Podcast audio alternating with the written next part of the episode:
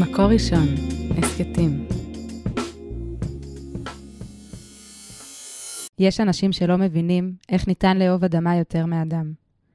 מי שהיה בגירוש יכול להבין. כי יש אנשים שנתת להם הכל, והם אינם מחזירים. והאדמה, אדמת גוש קטיף, נתנה לנו הכל. השקענו והיא פרחה. שגשגה, הצמיחה, הצילה אותנו מהפצמ"רים. יש אנשים שלא מבינים איך ניתן לאהוב אדמה יותר מאדם. היום אני מבינה.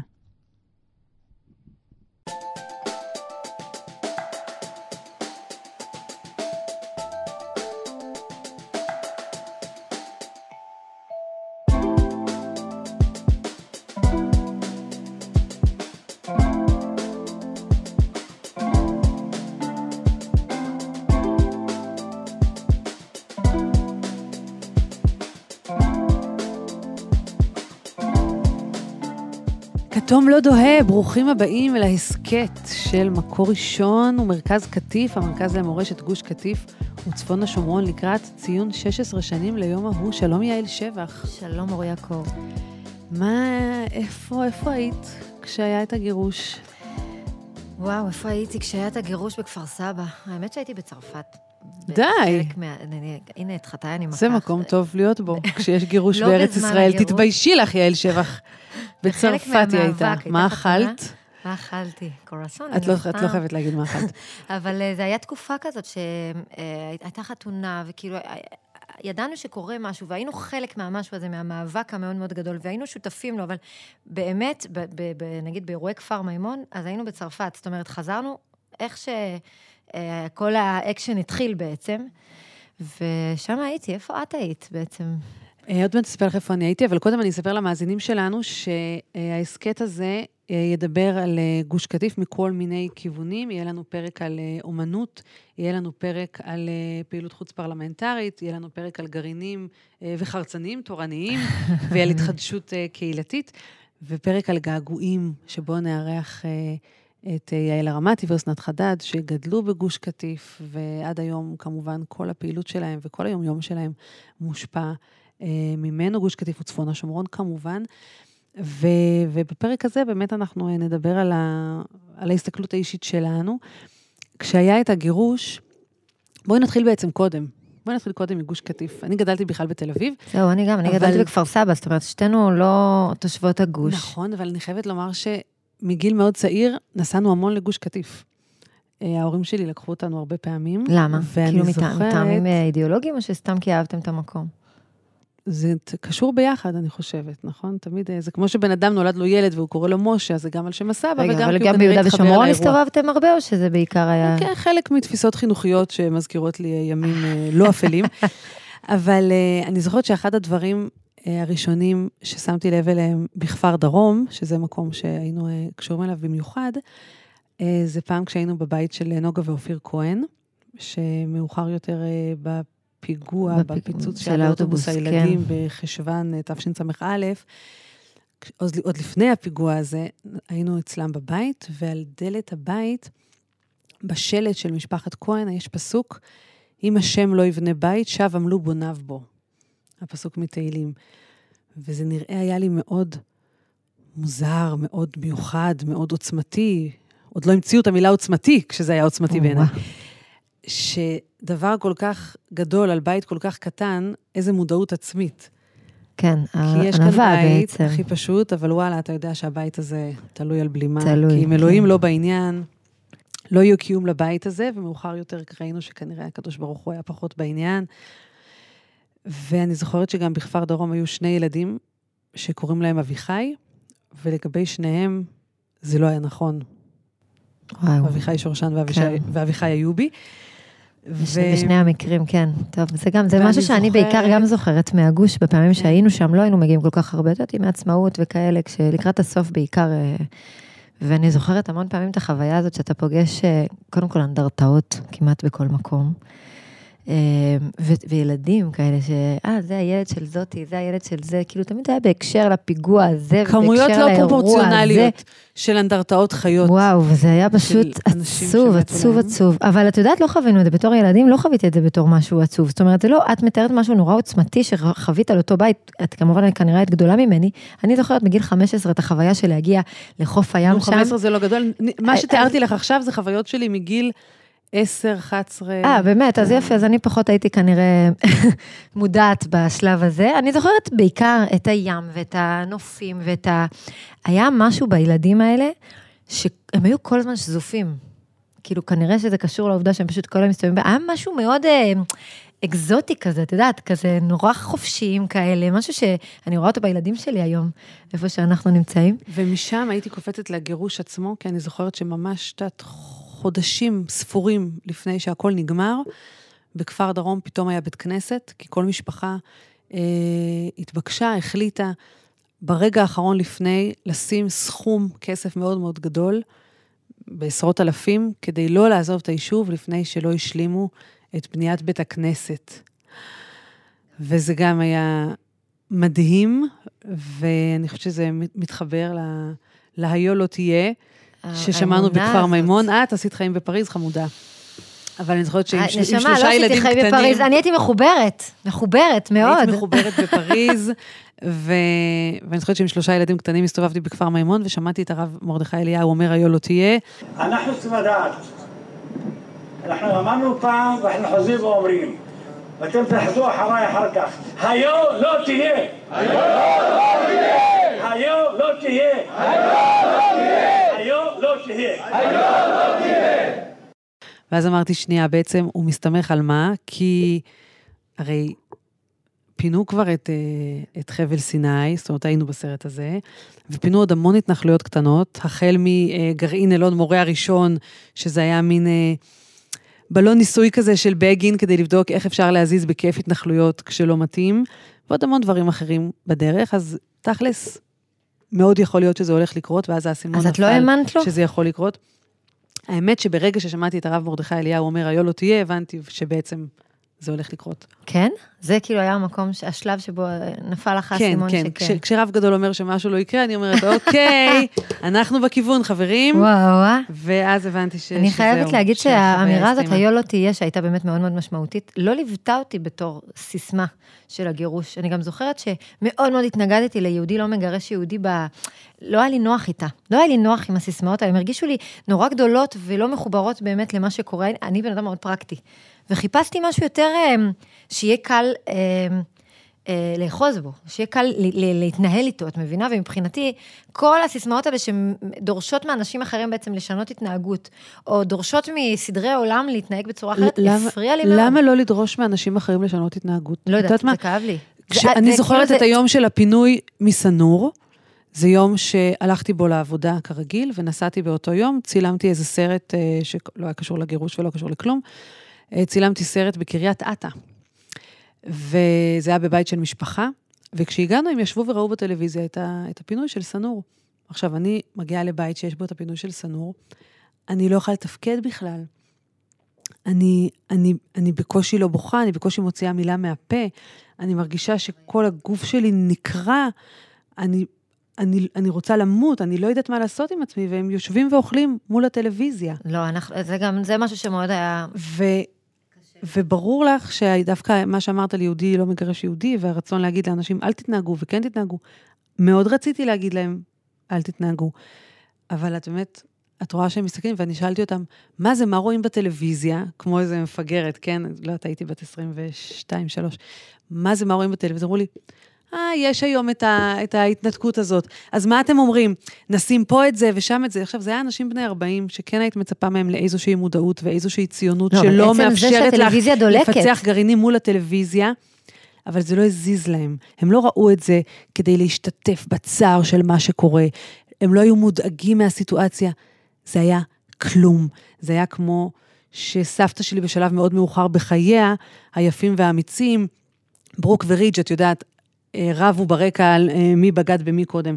זאת הייתה הסיטואציה. וואו, לא קרה זה, פה נגיד, כלום. זה נגיד משהו שלא חוויתי. אנחנו גם, כאילו, היינו פשוט, הטלוויזיה דלקה 24-7, וזה פשוט ראינו כל הזמן את כל האירועים שם, כל הזמן, הלב, כל הזמן חיפש מה לעשות, מה לעשות, מה, מה אז- עושים עכשיו, אז מה, אז רגע, זה לא- רואים, ו... אז זה לא. ואת יודעת, לראות דרך המסך, אחרי זה, כמה שנים אחר כך, באמת הבנו שזה לא היה, אה, זאת אומרת, היה דרכים אחרות לראות את זה בצורה שהיא יותר חווה את זה, מאשר דרך המסך. כאילו, לפי להתקרב כמה שיותר, אפילו לדבר בטלפון. אני יודעת מבעלי, שהוא היה אה, אה, בחור בישיבת תורת החיים בתקופה הזאת, והוא, אה, הם היו במחנה של קו לחיים. וממש בזמן שגר- שפינו את הישיבה שלהם.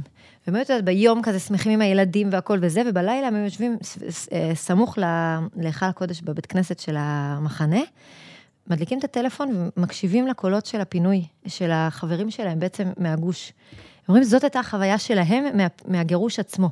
הם פשוט ישבו באיזה בית כנסת בחולון, ו- וקראו קריאה בחולצה, צמודים צמודים להיכל, ושומעים קולות של החברים שלהם צועקים ובוכים, וחלק עדיין נאבקים על חלק מהמקומות שם, ערב, כאילו, בסוף הם, את, את רוב החוויה הם חוו בצורה כזאת, שאני חושבת שזאת עוצמה מסוג אחר, כאילו, אמנם אה, זה היה מאוד חזותי הכל, אבל היו כל כך הרבה דרכים לחוות את הטראומה הזאת, ואני חושבת שכל אחד מאיתנו חיפש את הדרך שלו, אני ממש ראיתי אותה דרך המסך, ומאוחר יותר קראנו עוד כל מיני דברים, אבל זאת הייתה החוויה העיקרית.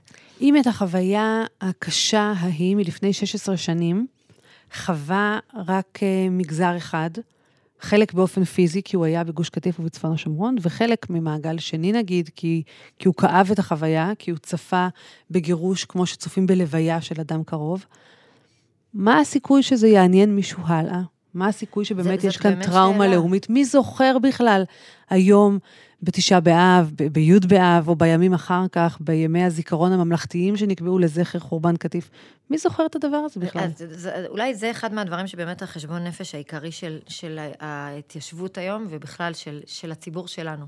שבעצם אתה לא יכול לבקש מאנשים להתחבר ולהזדהות איתך אה, ברגע כואב אחד. אתה חייב לייצר איתו את החיבור הזה אה, הרבה הרבה קודם. זאת אומרת, אנחנו רוצים שאנשים י, י, יתאבלו איתנו על החורבן הזה, אז היינו צריכים כבר אז, הרבה לפני, לדאוג לחבר אותם ליש, ולא רק לאין, את מבינה מה אני אומרת? אבל למה אנחנו, אנחנו, עלק, המתנחלים, כן, אנחנו המגזר, ווטאבר, למה אנחנו צריכים לחבר? למה זה אינטרס שלנו? אה, קודם כל, כי הנה, אנחנו לא רוצים שיגרשו אותנו מהבית וישאירו אותנו לא לגיטימיים. אבל אנחנו, אבל זה לא אינטרס פרטי של המתנחלים לגור שכן. ביהודה ושומרון. הנה, עובדה שכן, בוודאי שכן. למה עובדה שכן? ברגע שהמתיישבים פונו מגוש קטיף, מי שגר בשדרות, באשקלון, בראשון לציון, ברמת אביב, ראינו רק בחודשים האחרונים, חוטף טילים על הבית שלו. אז מה השטויות האלה? את תדברי עם אנשים מתאבל. אפילו מכפר עזה, שיגידו לך שעל אף הטילים, עדיין היה צריך לפנות את ה- את זה המתיישבים. שהם חושבים ככה, זאת בעיה שלהם, את יודעת. אני לא יודעת, זה אני חושבת ס- שזה זה עניין סוד גלוי. תקשורתי. עזבי עניין תקשורתי. דה פקטו, הגירוש פגע בכלל ישראל, אז למה המתנחלים לוקחים את זה על גבם? אני חושבת שבסוף את נוגעת פה בנקודה שהיא אה, באמת אה, אולי ה-DNA של הציבור הזה, הציבור המתנחלי או הציבור האידיאליסטי, אה, המשוגע, לא יודע, חשדומט, כן? שחי ערכים... אמרת? חשדומט, את לא יודעת מה זה חשדומט? לא הגיע אליי זה האירוע שבני הזה. עקיבא, לא. חושב שהוא דוס מתלהב, זה הראשי תיבות. לא משנה. חושב שהוא דוס מתלהב, אוקיי. לא משנה, זה, זה כאילו בסוף ציבור שחי ערכים בצורה, אה, נושא אותם על הכתפיים, בצורה מאוד מאוד טוטאלית ומחויבת. ולא מאפשר מקום לאנשים אחרים להכניס את האידיאולוגיה שלהם. ככה אני רואה את זה, זאת אומרת, זה אחד מהדברים שאני כואבת אותם בציבור שלנו, זה שאנחנו כל כך עסוקים, היום כבר הרבה פחות, אבל באמת ההתנחלות הראשונית הייתה כל כך עסוקה באידיאולוגיה, ובלהניח את הקרוון על הקרקע, ושהזנחנו באופן חד משמעי את התרבות ואת ה...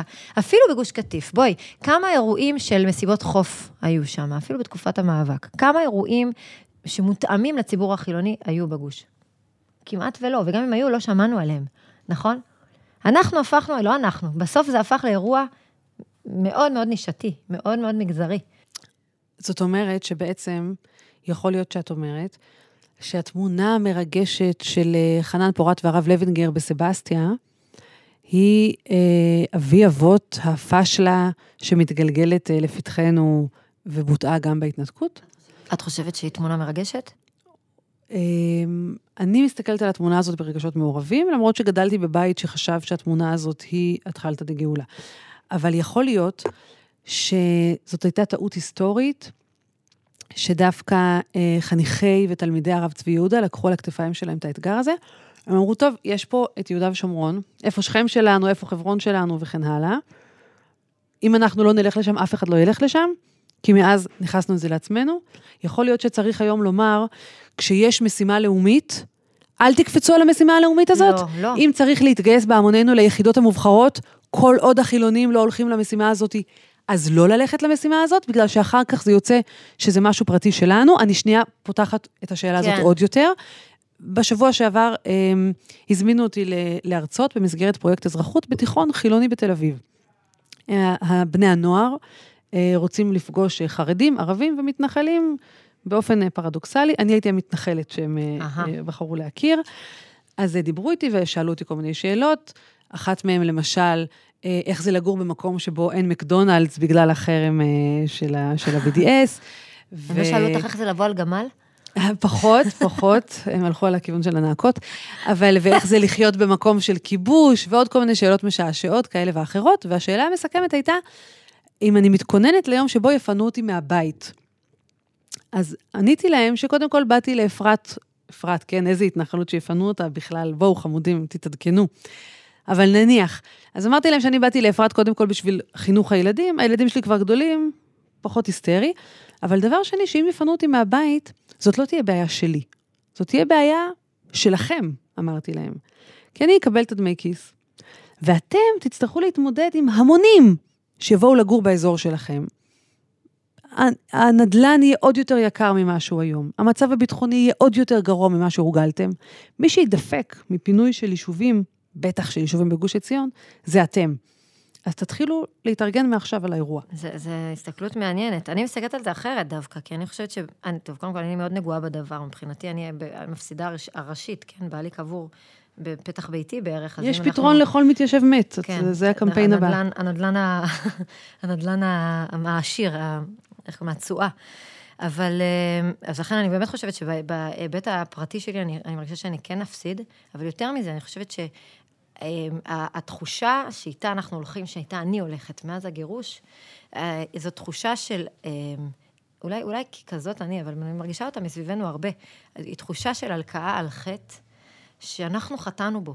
חטא שאנחנו ממשיכים לחטוא בו יום-יום, ורואים את זה בדור השני דווקא של יוצאי גוש קטיף, כש- שהם נורא נורא נורא עסוקים כל הזמן בלחשוב איך הם מתחברים לעם ישראל. אני רואה את זה גם, יש לנו המון חברים שהם מגורשים, שכל הזמן מה שחשוב להם זה שהם יהיו אה, מקובלים. עדיין? מה זה עדיין? זה הטראומה שלהם. זאת הטראומה של אנשים שהם מרגישים שגוש קטיף עשתה טעות בזה שהיא ננעלה באיזשהו מקום נורא נורא בועתי, והיא לא דאגה לקרב ולחבר, ולכן בעצם הם, הם בידלו אותם. זאת אומרת, לא, לא אפשרו להם, ההורים, אנחנו מדברים כאילו על הדור הקודם, לא אפשרו להם, ולכן אני גם חושבת שאם יהיה איזשהו פינוי, זה נכון שבסופו של דבר מי שיסבול מזה זה הבעיות הביטחוניות במרכז הארץ, בשפלה והכול. אבל גם אנחנו, שנצטרך להתמודד אחרי זה עם אנשי תל אביב, או לאן שלא נלך, או עם אנשי פתח תקווה, או את יודעת, לאן שנתנחל מחדש, אנחנו נתויג. תהיה עלינו אות קין על המצח, שכל השנים האלה גדלנו על ההרים והתנסינו על כולם. מי זה? טוב. את לא מרגישה את זה. לא, זה לא מזיז לי ולא מעניין אותי, אבל בואי, יש פה קטע שהתבקשת אה, לקרוא. נכון, אני צריכה לקרוא. בבקשה. אה, עוד קטע מאוד מאוד. יפה שכתבה אה, שרה בלאו, שאני חושבת שהוא דיון בפני עצמו, אה, שעליו נדבר. היא כותבת ככה, בתוך מאמר אה, שיצא ממש רגע אחרי הגירוש אה, ב- במעריב אוגוסט אנרג'י, 2006. באול- באוגוסט 2006, אוגוסט 2006, והיא כותבת ככה. ולא מדובר רק בסופו, ש... בסופו של המאבק בהתנתקות, מדובר בתחילת הסוף של הציבור הדתי-לאומי, כפי שאנו מכירים אותו כיום. השבר הגדול הזה של ההתנתקות יאיץ את המהלך האיטי שמתנהל פה ממילא בשנים האחרונות, והוא פיצול הציבור הדתי-לאומי לשני מחנות. המחנה החרדי-לאומי מצד אחד, והמחנה הדתי-לייט מצד שני. כשהמחנה החרדי-לאומי ילך ויעשה חרדי יותר, והמחנה הדתי-לייט ילך ויעשה חילוני יותר. כשהכיפות על ראשי החרדים-לאומיים ילכו ויכשירו, והכיפות על ראשי הדתיים-לייט תלכנה ותקטנה. ומה יעלה בגורלה של הכיפה הסרוגה? מה? כשהרגליים שלי הוליכו אותי להפגנה בכיכר ביום חמישי, הן ידעו את מה שאני לא ידעתי. הן הוליכו אותי לעמידה לצד הציבור הדתי-לאומי, לצד, לצד בית הגידול שלי, לצד בוגרי בני עקיבא, לצד הכיפות הסרוגות המיואשות, לצד מגזר גדול שייתכן שמתאסף בכיכר יחד בפעם האחרונה. תם עידן הציונות הדתית, במילים אחרות. תראי איפה זה, אנחנו זה מה היום, שהיא אבל- כתבה אז. 15 שנה אחר כך, אני, אני, אני חייבת לומר שאנחנו עדיין מתמודדים עם השאלה הזאת, עם הפיצול, אנחנו עדיין בתוך הפיצול הזה, הוא עוד לא נגמר, כאילו אנחנו חווים כל הזמן את השאלה, מה יהיה על הכיפה הסרוגה, מה יהיה על הכיפה הסרוגה, מה יהיה על הכיפה הסרוגה, והיא עדיין שם. זה אומר שזאת מובן. שאלה אה, משעשעת, כי זה כמו, זה כמו זוגות שנועדו להיות ביחד, זה כמו משפחות שהן משפחות, והן רבות והן חוזרות, ו, ויש ויכוחים, ותמיד גרים באותו בית, והדרך היא אותה דרך. וגם כש... יודעת, אבל כשהיא אומרת פה מדינת באמת- ישראל רבים, היא נמצאים באותו מקום. מדברת על שני המגזרים האלה בעצם שהתפצלו, התחילו את הפיצול הזה מו- מוקדם יותר, אז באמת אה, אנ- אנ- אנחנו תוצר של אחד מהמגזרים האלה באמת. רזיאל, כמו שאמרתי, הוא למד בתורת החיים, אה, ובעצם אה, ביצ- ביציאה מהגוש החליט שהוא לא שייך יותר להנהגה הזאת של הציבור הסרוג, והחליף לכיפה שחורה, ובעצם נשרף, מה שנקרא, הלך למוסדות חרדים, למד בכל חרדי, אה, התקדם באופיו אה, למקום מאוד מאוד חרדי, תחת אה, הרב עובדיה יוסף, ובאמת באיזשהו מקום ההזדהות שלו עם הציבור הדתי-לאומי, הלך ונמחק, הוא, הוא ניסה לטשטש אותו מאוד, הוא לא חגג יום העצמאות, והוא אה, אה, בכל הז- הזדמנות שהייתה לו להתווכח על הנקודה הזאת, הוא היה שם להתווכח עליה, אה, ממקום פגוע, ממקום מאוד מאוד מאוד אה, אה, טראומטי. ורק בצוק איתן, אה, הוא- וכל השנים האלו הוא היה מתנדב במד"א והכל זה, בצוק איתן הוא נסע אה, לבאר שבע, לת, לתגבר את הכוחות בעצם עם מד"א. אה, זה היה כמה ימים אחרי שנרצח, אה, שנהרגו שם את- הנגמ"ש של גולני, אה, ונהרג אחד מהם שהיה חבר שלנו, צביקה, שכחתי את שמו. קפלן? קפלן, כן, צביקה קפלן, והוא היה חבר שלו מאוד טוב, והוא הלך לשם, את יודעת, בדחיל אורחים הוא כזה, ב- ב- ב- לשם ייחוד כזה, וחזר, ואז התחיל פתאום איזשהו מסע חזור כזה, חזרה לה, להסכים להכיר במדינה. באותה שנה ביום העצמאות חגגנו בענק, באמת הייתה... איך זה יכול להיות שדווקא מוות של חבר במבצע צבאי גורם לך לחזור לחיק המדינה? אני חושבת שזה לא המוות של החבר כמו המעטפת שהייתה שם בשלושה ימים האלה בבאר שבע. פתאום הגיעו מלא אנשים והביאו להם דברים, ופתאום אה, הייתה התעוררות מצד העם, ואת יודעת, ואנחנו טובים במשברים, אנחנו אלופים בזה, עם ישראל חזק, חזק במוות. ובאמת שם פתאום הוא קלט שכאילו, אין מה לעשות, הדרך היא ארוכה, ויש תהליכים, דברים קורים, ונכון, אנחנו לפעמים עושים דברים שנקראים אה, אה, מאיתנו, אבל אנחנו חלק מזה, כולנו, אז... אין טעם להתנתק, זה כאילו מה שהוא אה, הבין, אני חושבת. אה, זה, זה כאילו, בשבילו, המבצע הזה, צוק איתן, היה ממש נקודה שבה הוא אה, הסכים אה, לסרוג מחדש את הכיפה. אמנם הוא לא המשיך, הוא המשיך עם כיפה שחורה, אבל הוא הסכים להכיר בזה שיש, שהאופציה הזאת קיימת, ושהיא היא לא רעה, ושהיא בסדר, ושיש בה גם צדיקים, ושיש בה גם, אה, את יודעת, יש בה גם תורה וקדושה. יש תורה וקדושה גם באנשים עם כיפות סרוגות. גם בס- בסרוגות, כן. אני, אני, לג- אני תמיד אמרתי את זה, כן, הוא לא הקשיב לי, מה אני. אעשה? היה צריך את צוק איתן בשביל זה. עכשיו הוא בטוח מקשיב לך, אבל... הבן שלך עם כיפה סרוגה או כיפה שחורה? עוד מה שבא לו. היום הוא הולך עם כיפה ברסלב, נגיד. הוא עושה מה שהוא רוצה. זה סרוגה גמישה. יש, יש לך מחשבות בכל זאת על מה יקרה אם יפנו את הבית שלך? אני, מאז, ש- מאז שהתלמיד הזה שאל אותי את השאלה, למרבה הלא שעשוע, אז אני כן חושבת.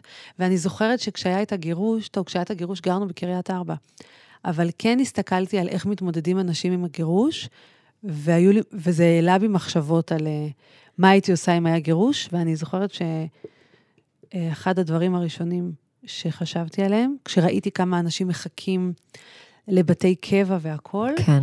זה שהדבר הראשון שהייתי עושה, ואני לא במקום אף אחד וכולי, אז אז, שוב, הייתי אה, צעירה, הייתי בתחילת ההיריון הרביעי שלי, אני חושבת. מה שהייתי עושה זה, מה שחשבתי אז שהייתי עושה, זה פשוט לעבור להתנחלות הראשונה שאני מוצאת בבית פנוי, ופשוט לא להעביר נאבקת. את הילדים מבית לבית, לא נאבקת. סלמת. בלי מאבק. לא. עם מאבק, לא כי בא לי, אלא עם מאבק כדי שהילדים לא יחשבו שהולכים אהה. בלי להיאבק על משהו. זה מעניין, כי דווקא אני מסתכלת על זה בצורה אחרת, שאני חושבת שאני הייתי מנסה בכל דרך לחסוך מהילדים שלי את המאבק. הייתי בוכה איתם, כואבת איתם, אבל לא מצרפת אותם מבחינה חינוכית, את יודעת, זה הפוך ממה שאת אומרת. לא, כאילו, אני היום גרה במקום שהוא, אה, את יודעת, אה, תלוי על בימה במובן מסוים, והרבה פעמים, אני לא אגיד לך שזה עולה לי בראש, כי אנחנו ממש אה, משתדלים להסתכל קדימה וכמה שפחות לחשוב על זה, אבל, אבל כשזה עולה, אז אני כל הזמן חושבת לעצמי ש... אני, אני מן הסתם אקח חלק בזה, כמובן, אבל אני אעשה הכל כדי שהילדים שלי לא יצאו פגועים מזה, ואם זה אומר אה, לא, לא לצרף אותם למאבק, אז הם לא יהיו חלק מהמאבק. נראה לי שזה תלוי בגיל של ילדים. את צודקת, הילדים שלך קטנים. אני לא מדמיינת את הילדים שלי קטנים, פשוט כי הם נורא גדולים. כן, אבל אם הם היו אז קטנים. כשאני חושבת על ילדים גדולים, אני אומרת, ילדים גדולים, בום, זו המתודה, כן, זה מה קדימה. אתם משאב אנושי. כן, כן, זה משאב אנושי, ו- ולא, ולא לא עוזבים משהו בלי להתווכח אבל עליו. מה, אם היה לך קטנטנים, מה היית אם היו עושה? לי ילדים קטנים, אין לי מושג, הייתי אורזת אותם, חותמת עם מנהלת סלע, קחו את הילדים, הנה המחולה, תחזירו לי אותם כשאני אסיים להתמקם, סתם. אסיים להיאבק על ביתי, כן. אה, אה, את יודעת, אני מסתכלת כאילו גם, אה, באמת איפה אנחנו היום בהשוואה, זאת אומרת, אם היום חס ושלום יהיה איזשהו גירוש כזה או אחר, ובאמת נצטרך להתמודד, לא, אני לא מדברת על, את יודעת, הפינויים הקטנים שהם מאוד מאוד קשים ומזעזעים, אני מדברת כאילו על משהו, על ההתכנסות שדיברו עליה אז, ועכשיו שהממשלה המפחידה הזאת קיימת. איזה זה- ביטוי מצחיק זה התכנסות. התכנסות, נשמע טוב. זה זה פנטסטי. פנטסטי, כן. זה כאילו, כשאומרים התכנסות. אומרים התכנסות, אני רואה בעיני רוחי את אולמרט, ואת, אה, את יודעת, כזה דרום הר חברון, וגב ההר, ואני חושבת, מי, מי שרד יותר טוב? מי לבש את זה נכון? נכון, זו מילה פשוט מכובסת אז את מבינה. שגב ההר ודרום הר חברון לבשו את זה נכון, כי אולמרט לבש את הכתום שלו בכלא, בסופו של דבר. גדול. כאילו, לא חשבתי על זה, נכון, וואו, הבגדים הם כתומים איזה, בכלא. איזה שלאגר היסטרי, ההתכנסות שלך. נעשתה במקום קצת פחות סימפטי. לא, אז את רואה, אז התכנסות זאת לא מילה חיובית. כאילו הייתי, אני רוצה לשמור עליה חמודה, היא חמודה וחיובית. התכנסות, כן. ואם אנחנו נאלץ להביא את עצמנו למקום כזה, זאת, זאת, אה, זאת, אני לא יודעת, אני, אני חושבת שזאת תהיה מכה שלא נצליח לקום, אני לא אצליח לקום ממנה. כן, אבל באיזשהו מקום, אני שוב חוזרת לעניין של, אמ, של האתגרים. האם כשיש אתגר לאומי, מדיני, חברתי, הדבר הנכון הוא באופן קבוע להגיד, אני לוקחת על עצמי את זה, או להגיד, חמודים, אני עסוקה כרגע, שהמדינה תחליט מהו סדר העדיפויות שלה. ואם המדינה רוצה שאני אקח את זה על עצמי, שהמדינה תחתום לי כאן, כאן, כאן וכאן. כי זה משהו שאולי כאימהות אפשר להתחבר אליו יותר טוב. אם אני כאימא תמיד אהיה זאת שעושה את הכביסה, את האוכל, את ה... לא יודעת, את הניקיון, את הקניות. אין לי מושג, כי אני כאימא לא עושה את זה כבר, פשוט אני הפרטתי את התחום, וכל אחד מתושבי הבית עושה משהו, אז ברור שאני תמיד אהיה הצד המנוצל. אז אם הציבור הדתי-לאומי, המגזר, אני לא יודעת איך לקרוא לזה, תמיד לוקח על עצמו את כל המשימות הלאומיות, החל בהתיישבות, דרך גרעינים של התחדשות חברתית, שנדבר עליהם באחד הפרקים, וכלה בהתנחלות, אז זה ימשיך להיות ככה. יחידות מובחרות, וכולי וכולי וכולי, ואף בעצם- אחד לא מעריך את זה, ובסוף אומרים לך, אז תתפנה, למה אני מממן אותך, ואם, אתה, ואם יש גירוש, אז זאת בעיה שלך, וגם לא מעריכים את הכאב שלך, וגם מצפים ממך שתעשה את זה שוב, או לא מצפים ממך. נשמע? אז השאלה, מה זה שווה? אז את יודעת כמו מה זה נשמע? זה נשמע גם קצת כמו החרדים, שבאים ואומרים, אנחנו נושאים את עול התורה, ואנחנו מקריבים על זה את החיים שלנו, ואנחנו מגדלים ילדים בכמה שקלים כן, אבל, בודדים. אבל רגע, התורה זה לא ו- משהו שאת רואה אז בעיניים. מה זה קשור? אז הם באים ואומרים, מה אכפת לי מה, מה, מאחורי הקו לא, הירוק? בואו נהיה כולנו במקום כזה. זאת אומרת, מבחינתם- עוד לא הוכח שתורה מנעה התקפת טילים על מדינת ישראל. אבל כל זמן שלא שיווקת את הערך שלך כערך משותף לכולם, זה לא משנה כמה את אבל זה לא, נאבקת זה לא עליו. ערך שלי, אה, חגורת ביטחון אז למדינה. תשווקי אותו לא כערך שלך. וזה לא ערך אז שלי, שירות ביחידה? מובחרת. או, מצוין, זאת השאלה, כי אנחנו, זה נכון. שאנחנו, זאת הטעות. בהחלט. שאנחנו משווקים אותו זה כערך שלנו. שסבסטיה, וזה שההתיישבות בגוש קטיף, וההתיישבות בחברון, וההתיישבות בכל חבלי המולדת, וזה שהשירות ביחידות המובחרות, וזה שהגרעינים התורניים, הכל משווק כערך שלי, זו באמת טעות. אני לא יודעת למה זה משווק כערך שלנו. אנחנו פשוט עושים את זה כי כל החיים שלנו הם אידיאולוגיה. כן. אבל יכול להיות ש... אבל אולי אנחנו צריכים להוסיף מרכיב באידיאולוגיה, שזה באמת המרכיב ההסברתי, שאותו אנחנו לא עושים. והוא... ממוש, אנחנו עושים את זה, אה. ואף אחד לא נדבק בחיידק. אני חושבת שהמרכיב אני חושבת ההסברתי שזה- הזה אה, חצה גבולות, ויש כל כך הרבה, אה, בואו ותראו מה אנחנו עושים ותראו מה אנחנו עושים, ואז כולם אומרים, וואי, זה יפה מאוד. זה כמו ילד קטן שמגיע עם ציור ואומר, תראי איזה ציור יפה עשיתי, וכולם אומרים לו יפה מאוד, זה לא וזורקים מעניין. אותו לפח. לא יודעת, אולי זה ההסברה הפער שלך בין... היא לא אה, נכונה. הדרך להסביר. את יודעת, אני שואלת באמת, אולי אם את ערכית, את על זה, ואם את לא ערכית, את לא, את לא בעניין. כי בני אדם זה בני אדם. מבחינה חברתית מוריה, תזכרי שנייה אחת בימים ההם שהיינו שם, בכל החברות שלך מסביב. איפה הם היום? אמ, טוב, חברות זה מושג אה, מגוון. מי שהיה בקריית ארבע הוא היום בקריית ארבע, מי שהיה בתל אביב הוא נשארו בתל באותם אביב. מקומות? בטח, מה... זה לא השפיע על אף אחד בסביבה שלך? לא. לא, מי שאז חשב ככה, חושב אותו, כל, כל אחד, אנשים באופן כללי לא משתנים. בניגוד למה לסברה אנחנו הרווחת כן? למה בעולם אנחנו כן? למה את הפסיכיאטרי, ואני מתארות את אנשים זה לא משתנים. כאילו שבאמת יש פה איזו נקודה שהיא אבן שואבת במובן מסוים, מה שקרה שם. איך זה יכול? הרי כל אחד, אני חושבת, כל אחד שהיה איכשהו טיפה מעורב במה שקרה שם, זה ליווה אותו. זה מלווה אותך, כי יש לך עוד כאב להכיל. אבל האם זה שינה את מסלול חייך? לא יודעת. אם היית בת 15 בגירוש, והבית שלך היה בנווה דקלים ואין לך יותר לאן לחזור, השתנית. אבל אם היית אדם מבוגר, זה עוד מכה קלה בכנף, כמו שכינה אה, רמטכ"ל הגירוש דן חלוץ את מה שקרה לו עם המניות. שנה אחר כך. אז אה, זה היה הפרק הראשון של כתום לא דוהה. היו עמנו גם בפרקים הבאים. תודה רבה, יעל שבח. תודה רבה, מוריה קור. תודה רבה גם לאוהד רובינשטיין שהקליט אותנו, תודה ליהודית טל שהפיקה את השידור הזה, ולעדי שלם רבינוביץ' על העריכה. אפשר לשמוע את הפרק הזה שוב, ובכלל את כל הפרקים הבאים בסדרה הזאת של מקור ראשון ומרכז קטיף, המרכז למורשת גוש קטיף וצפון השומרון, באתר מקור ראשון, חפשו שם הסכתים בסרגל למעלה, או תקלידו מקור ראשון בספוטיפיי, אפל מיוזיק וגם בגוגל. להתראות.